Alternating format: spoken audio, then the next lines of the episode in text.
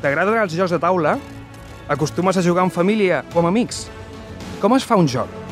Què tenen en comú Mataró i el joc del Cluedo? Si tens alguna d'aquestes inquietuds, et mereixes venir a les jornades i Ludo més que jocs. El 18 i el 19 de juliol a l'Espai Gatassa, de 10.30 del matí a 8.30 de la tarda. Jocs infantils, familiars, sortejos i un munt d'activitats més. Tens més informació a internet, buscant per Iludo, més que jocs. La festa del joc de taula a Mataró. Recorda, 18 i 19 de juliol. Ah, i és gratuït.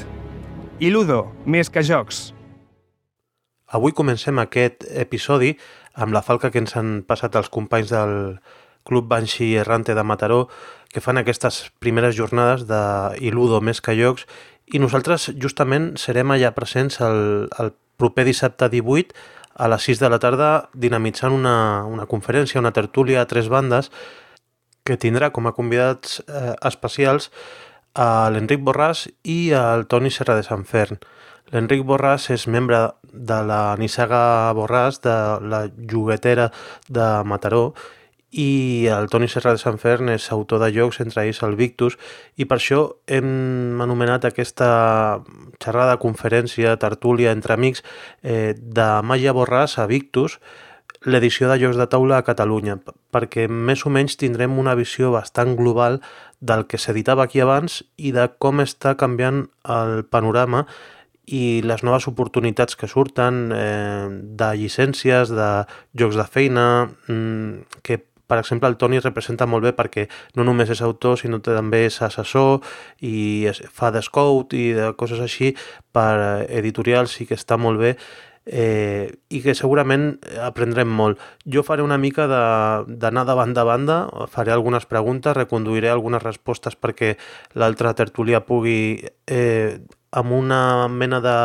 linealitat, eh, continuar la xerrada i intentaré basar-me molt en els records perquè l'Enric Borràs tindrà, tindrà molts records, fins i tot la seva família té un museu familiar amb, amb els jocs de taula de Borràs que, que serà molt interessant si alguna vegada ens ho deixa veure, que ja ens ha dit que sí, i també el Toni, abans d'autor i tot el que fa ara eh, pel món dels jocs de taula, ha estat també jugador i tot el seu background també ens, ens ajudarà molt a, aprendre molt. El que volem és aprendre molt d'aquestes dues figures i jo crec que us agradarà molt. És el dissabte 18 a les 6 de la tarda a les jornades Iludo i us convidem des d'aquí.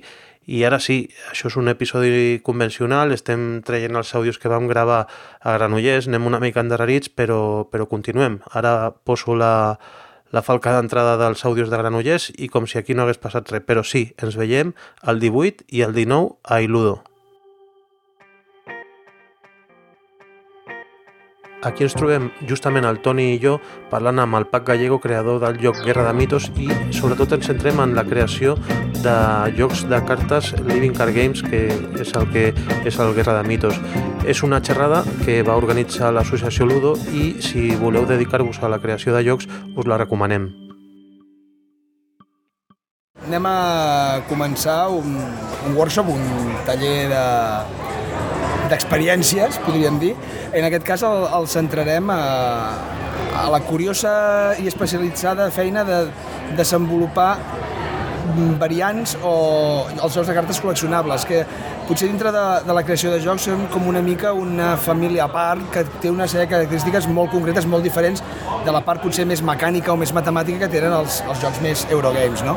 En aquest cas, doncs, en Pac, Pac Gallego, de GDM Games, ens explica la seva experiència amb l'inici i l'evolució del joc Guerra de Mitos, que compleix perfectament doncs, aquestes característiques, és un joc de cartes col·leccionable. No és, no és col·leccionable com estem acostumats, però sí que és evolutiu, no? Un joc de cartes evolutiu, sí. podríem. Bueno, de fet, sí és col·leccionable, però sí sempre intentem evitar la paraula col·leccionable perquè una de la, un dels principals problemes que té el col·leccionable ara mateix és que té la mala fama de ser un saca quart, de que tothom, quan, quan li ve la paraula col·leccionable al cap, el primer que pensa, hòstia, tindré que estar comprant cada vegada i cada vegada més, i, i això, costarà molts de quartos, no? Això ho tenim...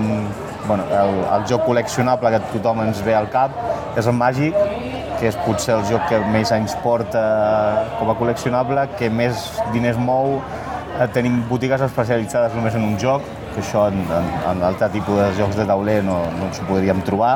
I això, no?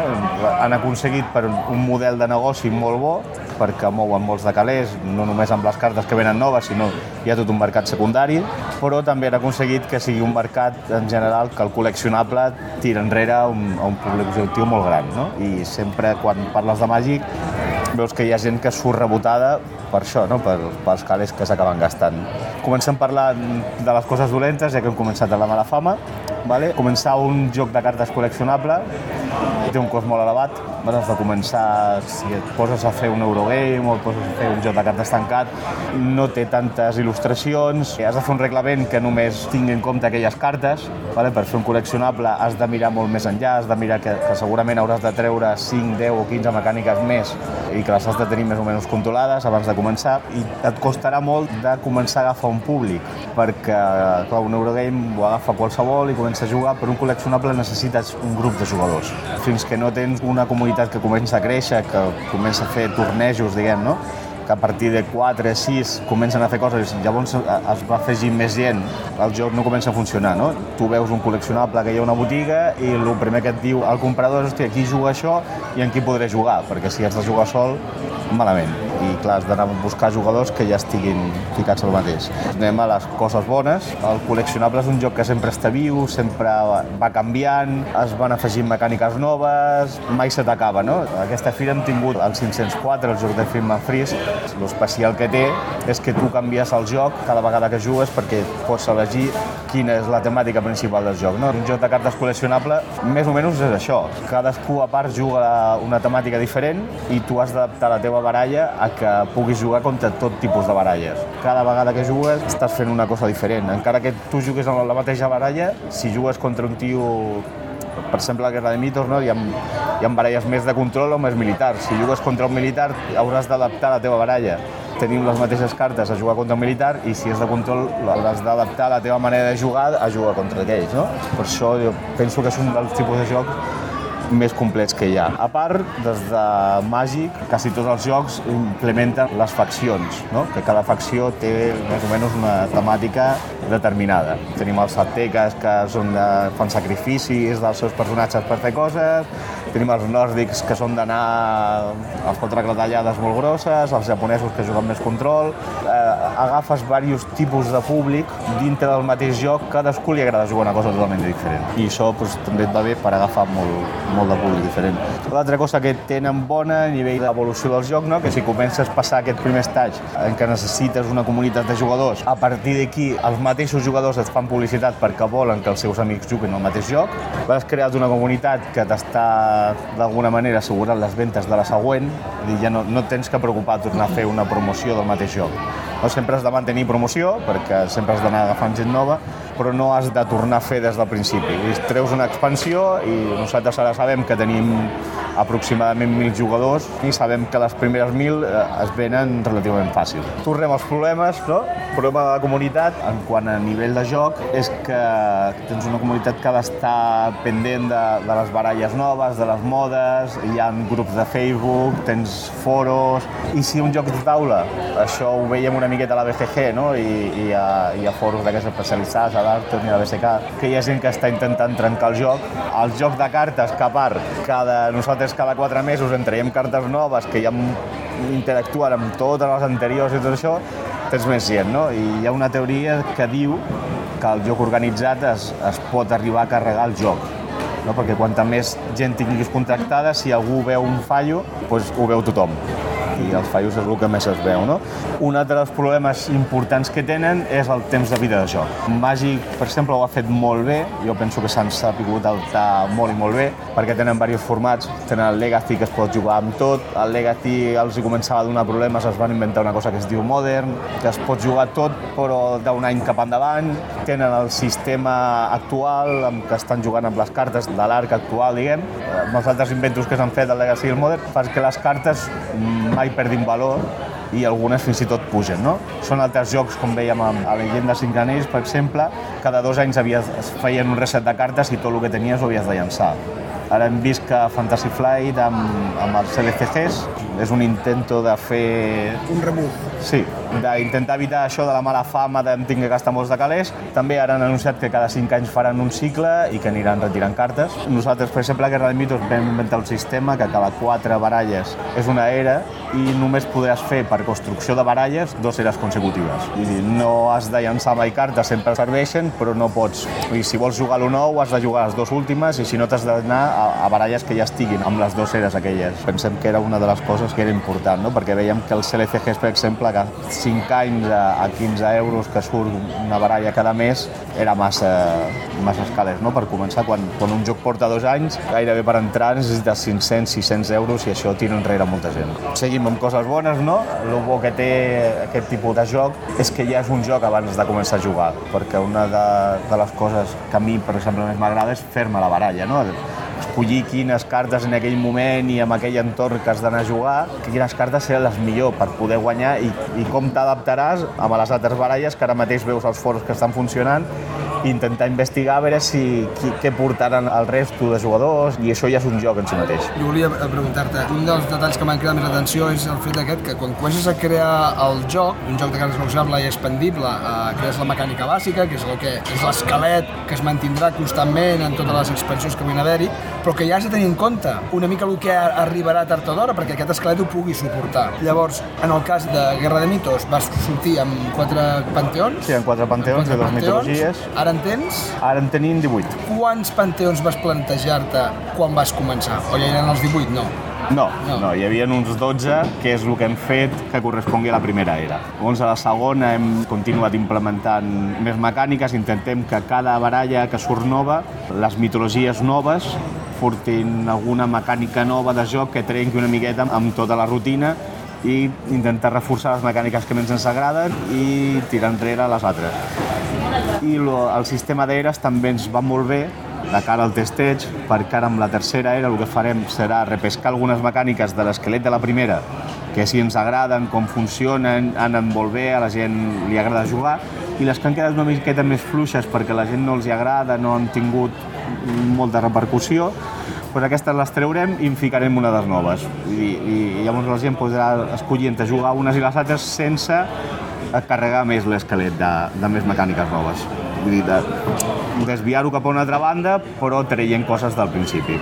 I llavors, quan tu t'enfrontes a haver de crear un nou panteón, t'enfrontes a haver de crear una mecànica nova que identifiqui, aquell panteón. aquella mitologia Val. i aquell panteó. I llavors, com comences això? Com busques aquesta mecànica nova? Potser del feedback de la gent, de que t'han dit m'agradaria poder fer això o l'altre, o tu intentes que et surti de dintre una cosa totalment nova o com... Bueno, partim de, de vegades sí de feedback de la gent que ens diu, hòstia, vos molaria molt que hi hagués un panteón que fes això. Partim molt de la temàtica, intentem que totes les cartes ens estudiem primer la mitologia que hem de treure i mirem que les cartes facin a nivell de joc algú semblant a el que feien el, tant els tant els panteons com els déus. No? Ara, per exemple, estem fent la següent mitologia que treurem és vudú i una d'indis americans, que juntem els sius, els xiroquesos i tot això. Són dues mitologies que les hem ajuntat perquè les dues estan basades en els esperits, eh, tant animals com de les persones i tot això. I clar, la vudú tothom té clar que ha de ser algo de poteig i que has d'anar controlant i traient força als altres. Pues, clar, els, els dos panteons que hem fet van una mica per aquí. I els indis, pues, tothom tenim clar que han de fer invocacions d'esperits, pues, aquests eh, li hem fet una mecànica de crear esperits i que els esperits doncs, vagin a la batalla pels senyors no? i que els hi donen més força perquè també teníem molts guerrers, exploradors la mecànica d'exploradors fem que vagin a la batalla abans del moment d'anar a batalla intentem fer alguna molt temàtic intentar-ho posar dintre del joc Dius, vale, molt bé, tinc molt clara aquesta idea nova, mecànica nova que explorarà aquest panteó, però llavors com equilibres les cartes? Quin esquema de treball segueixes? Perquè clar, les cartes normalment tots tenim molt clar si he de dissenyar un RA, per dir alguna del NIFIA, doncs hi ha uns números i aquí hi ha unes fórmules matemàtiques que de seguida arribes a una conclusió de si aquest número està desfasat o no, o el que sigui. Però equilibrar conceptes, perquè les cartes, els textos són conceptes, són mecàniques, això com ho valores i com ho plasmes després amb els números, perquè tots aquests conceptes, cada carta després acumula costos, mals, tot això moltes vegades es plasma amb uns números que han de quedar coherents amb el concepte. Tota aquesta abstracció d'aquests conceptes, com, com ho fas? Fem números, fem números. Va? Els personatges tenen tot un cos, tenen un, una força, tenen un poder màxim, que és per temàtiques més desenvolupades, no? però també afecta una miqueta si un personatge... El poder màxim és el màxim de reserva de poder que poden tenir a sobre. Llavors els personatges durant el joc van gastant poder per fer les accions. Quan més tinguin, menys hauran de descansar i més vegades podran anar a la batalla. No? Llavors, eh, el que intentem sempre és que la força tingui una relació directa amb el cos, vull dir, si un personatge de, de cos 2 hauria de tenir força 2 per estar equilibrat, no?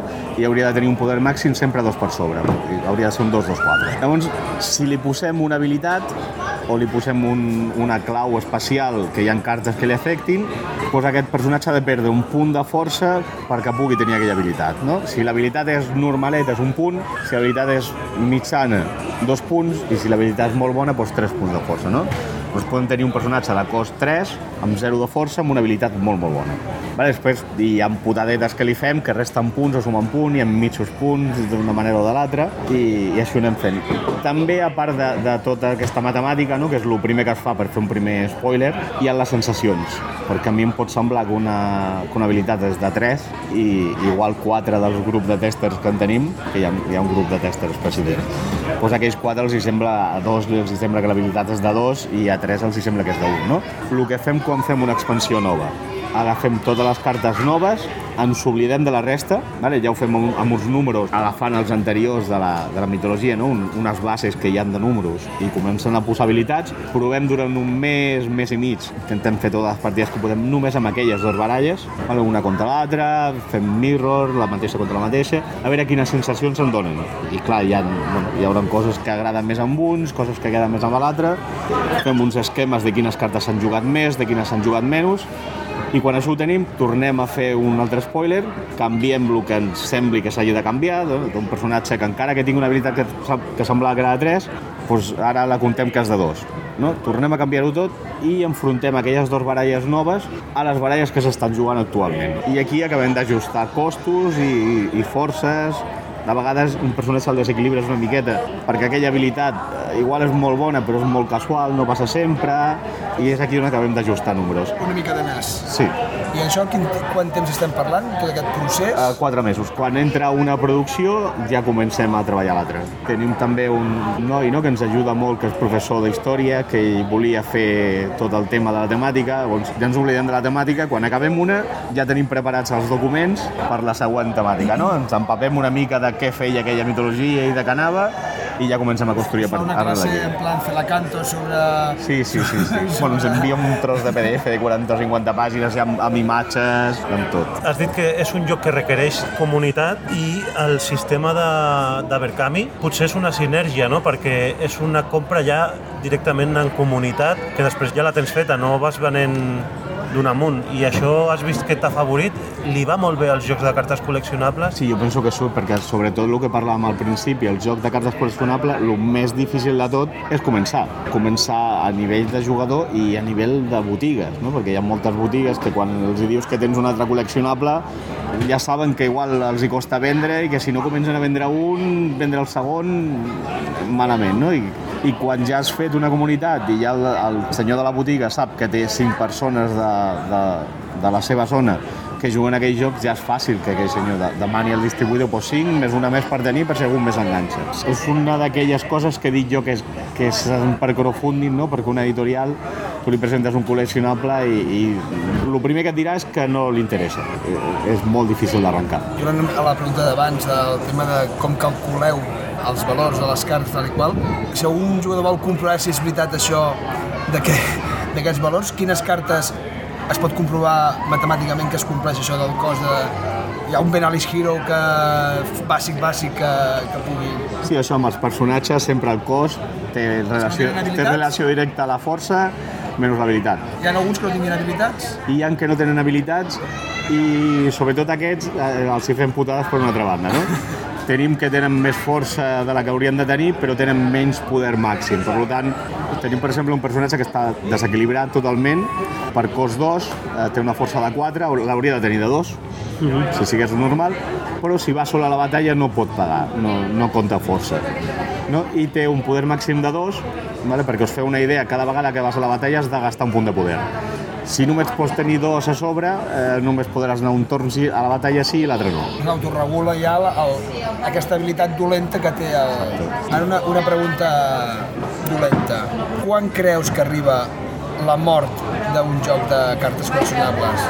La, o sigui, mm, que un joc s'acabi morint depèn només de la comunitat, bàsicament. Sí, depèn de que deixi la comunitat de jugar, I però la per exemple, Hi ha el comunitat... cas a la llegenda de Cinco Anillos, que hi ha una comunitat bastant activa, però sembla que no va, va partir el tema. Bueno, i Cinco Anillos porta molts anys, ara em sembla que porta 16, van fent, però jo penso que no s'han sapigut adaptar al, al, als nous sistemes no? de, de, i a la nova economia.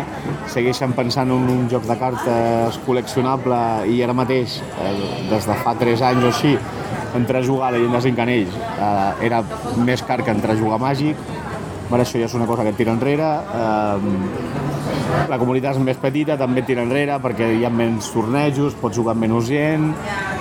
I penso que això, que ells han tingut un problema de no saber-se adaptar i de, de seguir amb un sistema que ara mateix jo penso que, que Màgic el pot mantenir per, per lo que és, però ells, eh, i amb el sistema que tenien de cada dos anys has de llançar les cartes, és a dir, tens que gastar 800 euros eh, durant un any, o 800 o 1.000, que és aproximadament el que t'havies de gastar, i saps que l'any següent ho hauràs de llançar tot, eh, doncs això és un problema molt gran per, per convèncer gent nova que, que entri a jugar.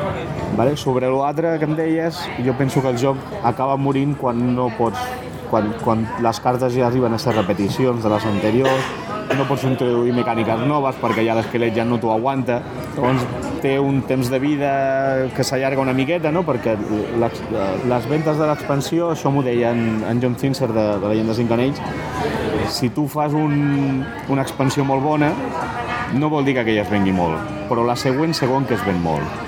I si fas una dolenta pot ser que aquella es vengui molt, perquè la gent ve engrescada de l'anterior, però si aquella és dolenta, la següent, per molt bona que sigui, ja no en vendràs tant. O sigui, l'efecte és més a la següent. eh? Sí. O sigui, es, es, hi ha un efecte d'eco de la qualitat d'una expansió amb el que passa a Amb les, la següent. amb les ventes a la següent. Jo penso que mentre tinguis, mentre vagis traient coses noves i eh, la gent segueixi fent jugar cartes noves, tot això, doncs el joc segueix viu. A, a, a Vampiro, a VTS, el problema que penso més gran que va tenir és que ells des del principi van deixar, sempre es podien jugar totes les cartes, no van fer un sistema de, de que s'anaven retirant. Va arribar un moment que a l'esquelet principal ja no podies fer cartes millors perquè si no ja el joc eh, durava molt poc i, i se'ls anava de les mans van començar a fer unes temàtiques i, i els clans alternatius, no? els satites, el no sé què, que jugaven a una altra cosa, però ja no podien arribar a tenir el poder que tenien les altres. No? I, I arribaves a un joc que portaves 14 anys jugant i seguies jugant... L'esquelet principal de la baralla era el mateix que, que jugaves feia 16 anys, no? i podies anar amb una baralla totalment desactualitzada i podies guanyar un torneig perquè les cartes que portaves eren les mateixes que s'acabaven jugant. A un altre podcast eh, va sortir una qüestió tècnica que era el tema de, dels tiratges i les impressions i com podies tu controlar que el mateix envers de les cartes sigui del mateix color, mantingui les mateixes tintes, perquè quan barrelles cartes d'uns mazos amb, amb les altres no es noti que són de diferents mazos i quin control hi ha sobre això? Això jo penso que és totalment impossible, no només d'una tirada a una altra, no? de, la, de la mateixa tirada veus que la primera tirada que té la... Això, jo no sóc impressor, però més o menys entre la primera tirada que fas, la primera planxa que surt, la següent i una que hi havia pel mig, que els toners estaven quedant sense tinta en aquell moment, hi ha diferències. Vull dir, entre una carta d'una baralla i, una d'una altra ja pot sortir diferent. En el nostre cas, com que cada planxa és una baralla diferent, perquè ve tot el conjunt complet, segurament a la teva baralla tot has tindrà el mateix. Però si agafes una carta d'una altra i la poses junta, eh, has de mirar-ho molt, no? Perquè nosaltres portem ara set expansions, a les set més o menys les poses i és molt difícil de veure si alguna té un canvi, no? Però sí que n'hi ha. Uh, per això li passa a Màgic, li passa gairebé a tothom. I, i Màgic ja té un paper especial, que, són, que és paper màgic, i tenen un control de qualitat bueno, impressionant. Ells ho van solucionar fent que els tornejos oficials hagis de jugar amb una funda opaca. I s'han anat més enllà encara i, i ha estat hi ha algunes fundes que estan prohibides de jugar a màgic, no? perquè si és transparent no, si no sé què. Nosaltres ho vam fer també, a part tenim el problema de que la primera impressió que vam fer la vam fer una impremta que era una especialitzada, les cartes són, sembla que és mig mil·límetre més gran, vale? si la fiques una funda ni es nota, però si no estan en fundes i les poses totes juntes doncs és una miqueta més gran i més prima. Gramatge una miqueta inferior. Suposo que és, que és impossible, no? Però tot, igualment tota la gent que juga a cartes col·leccionables normalment el joc va en funda. Realment la importància de si la tinta està més pujada o més baixada realment és important en els campionats. Per jugar a casa amb els amics, doncs mira, més o menys vas fent, però els campionats... I per tant, això t'obliga a introduir una regla en els campionats de que hi hagi amb fundes opaques i per tant, això t'obliga, si vols dissenyar un joc de cartes col·leccionable, a que segurament hauràs de dissenyar un reglament per aplicar en el joc competitiu. Sí, has, has de fer un reglament que és totalment diferent i, i regles de comportament i què passa amb, amb el cas de que s'arribi un temps perquè el campionat l'has de gestionar. Nosaltres una de les coses principals quan vam fer el joc eh, sabíem que el joc no podia durar més de 45 minuts. El vam estabilitzar perquè la partida mitjana, bueno, la partida més llarga, no? La partida mitjana són 20 minuts. Eh, la partida que fos més llarga no s'estanqués a més de 40 minuts, però tot i així hi ha partides que s'allarguen, passen els 40 minuts i has de fer un sistema d'empats. Que el normal, el que nosaltres fem són tornejos a botigues. La botiga obre normalment a les 5 de la tarda i a les 9, com a molt tard, has d'estar fora. Si vols jugar quatre rondes de Swiss, que més o menys pel tipus de comunitat que pensàvem que m'obríem és el que, el que has de jugar, doncs tens aquelles 4 o 5 hores per fer el Swiss i un top. Un problema que, que ens veiem ara, sobretot a Barcelona, és que tenim tornejos, vam dissenyar un sistema de, de tornejos pensat que, que les botigues serien fons fins a 30, 20, 30 persones. A partir de 24 ja vam posar un top una miqueta més llarg, no? de 8 persones. Això et fa fer una partida més per torneig i moltes les tenim que acabar amb, bueno, amb un bar o amb un, un, un puesto per aquí perquè que la comunitat comença a ser bastant gran. I sí, és una cosa que, que s'ha de tenir molt, molt en compte. I unes, unes regles de... Al principi nosaltres les teníem molt lleugeres, no? perquè si la comunitat és petita, tothom es coneix, no hi ha problemes, però has d'acabar fent unes regles de comportament, de, de com s'ha de barallar, de lo que, això que dèiem de màgic, no? De, has de tenir les fundes aquestes transparents no perquè pots fer trampes, això no perquè pots fer trampes. Eh, has de poder fer una revisió de baralla amb uns jutges si t'ho demana el jugador, per veure si l'altre porta la baralla correcta o si porta quatre còpies d'una carta que només pot portar dos. A les regles de campionat hi ha una part que és la part d'etiqueta, que quasi, quasi pots afusellar la, els comportaments que es regulen en un campionat de màgic, perquè és joc a cartes igual, però segur que hi ha una part que és només aplicable a Guerra de Mitos, per exemple. Hi ha alguna part que només s'aplica d'això. I això em porta a un, cara, a un altre nivell de concepció o desenvolupament, que dius, vale, molt bé, regulo els campionats, però pensa de regular la classificació global de tots els jugadors i com ho feu tot això?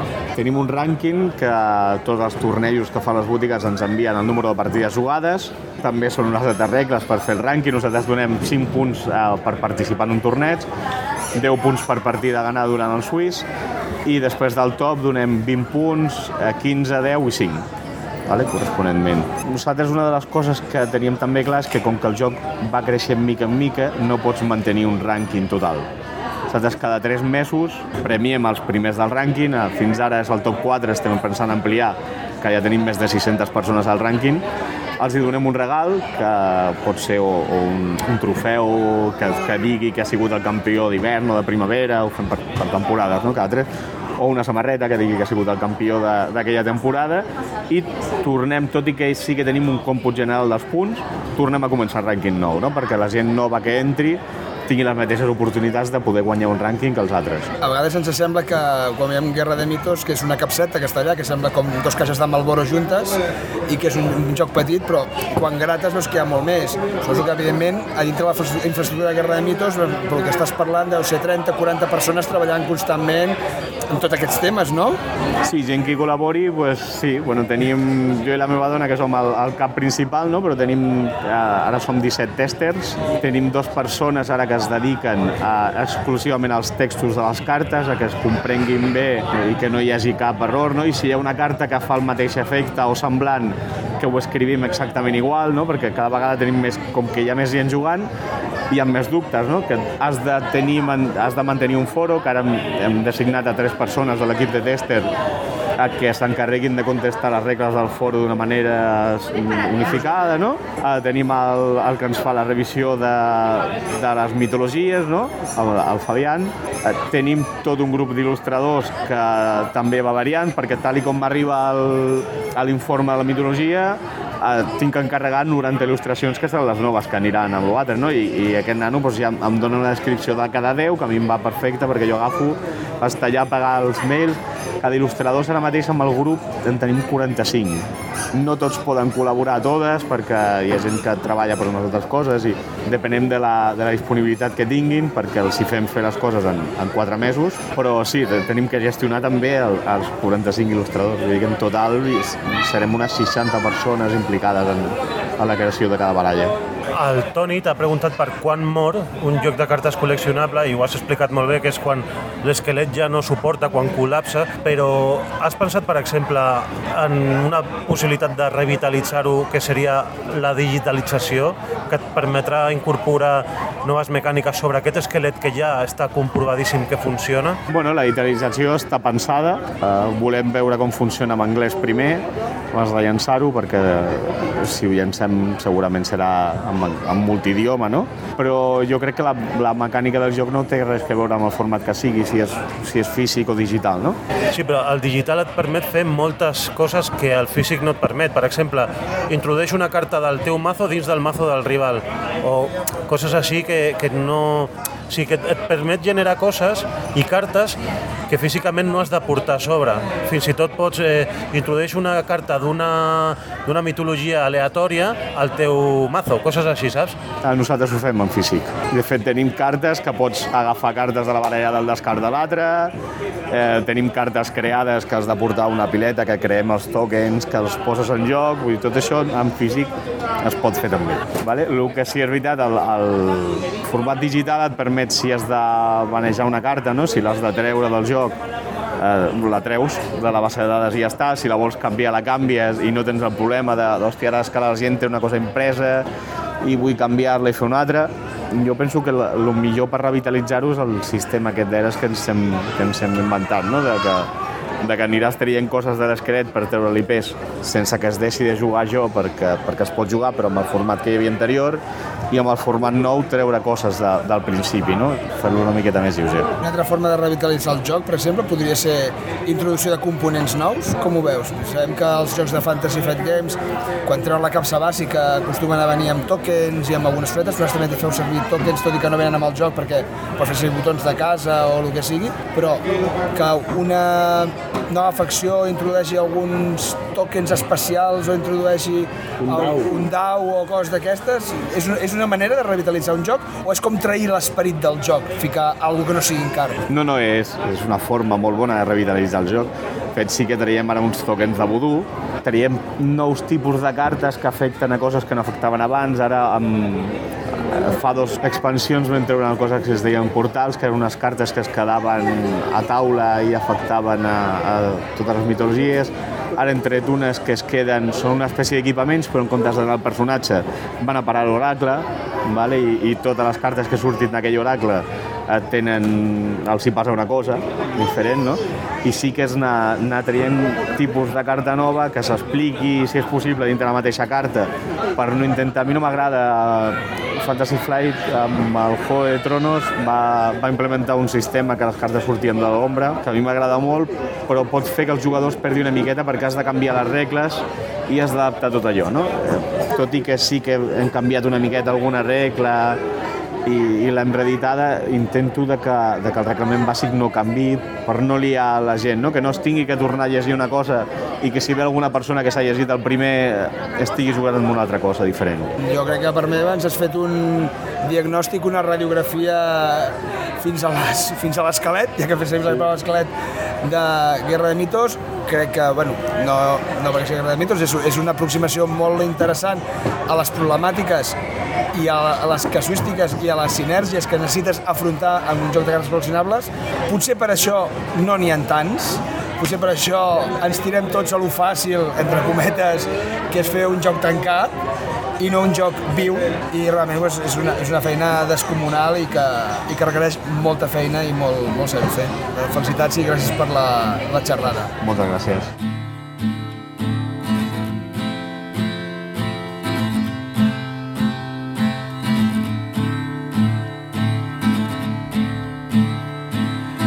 And when I see you, I may line the moment. Is for no one. I'm keeping it all to myself. I had these ideas, my sweat hurts skin. Forgive me for asking. Do you know what you're capable of? As we get closer, the room gets smaller. My favorite summer's not happening ever again. Would you believe we're Gotham's finest? No hard feelings. A decision was made for us. I'm not moving. I'm not standing still. Twenty hours away, are you for real? I'm not leaving, I'm not staying, I'm just hanging around with the dregs of my youth an old taste in my mouth. After the summer, we invented each other in our favorite colors. Who knows what we're capable of? And then you'd find out I'm so cat handed, be understanding. I've managed till now on my own, so bloody minded and nearly nocturnal. No two ways about it. You look like the rest of my life. Do you remember? I'll be your center. Say what you want, you're not spinning away. And I'm not moving, I'm not standing still. Twenty hours away, are you for real? I'm not leaving, I'm not staying, I'm just hanging around with the dregs of my youth and an old taste in my mouth.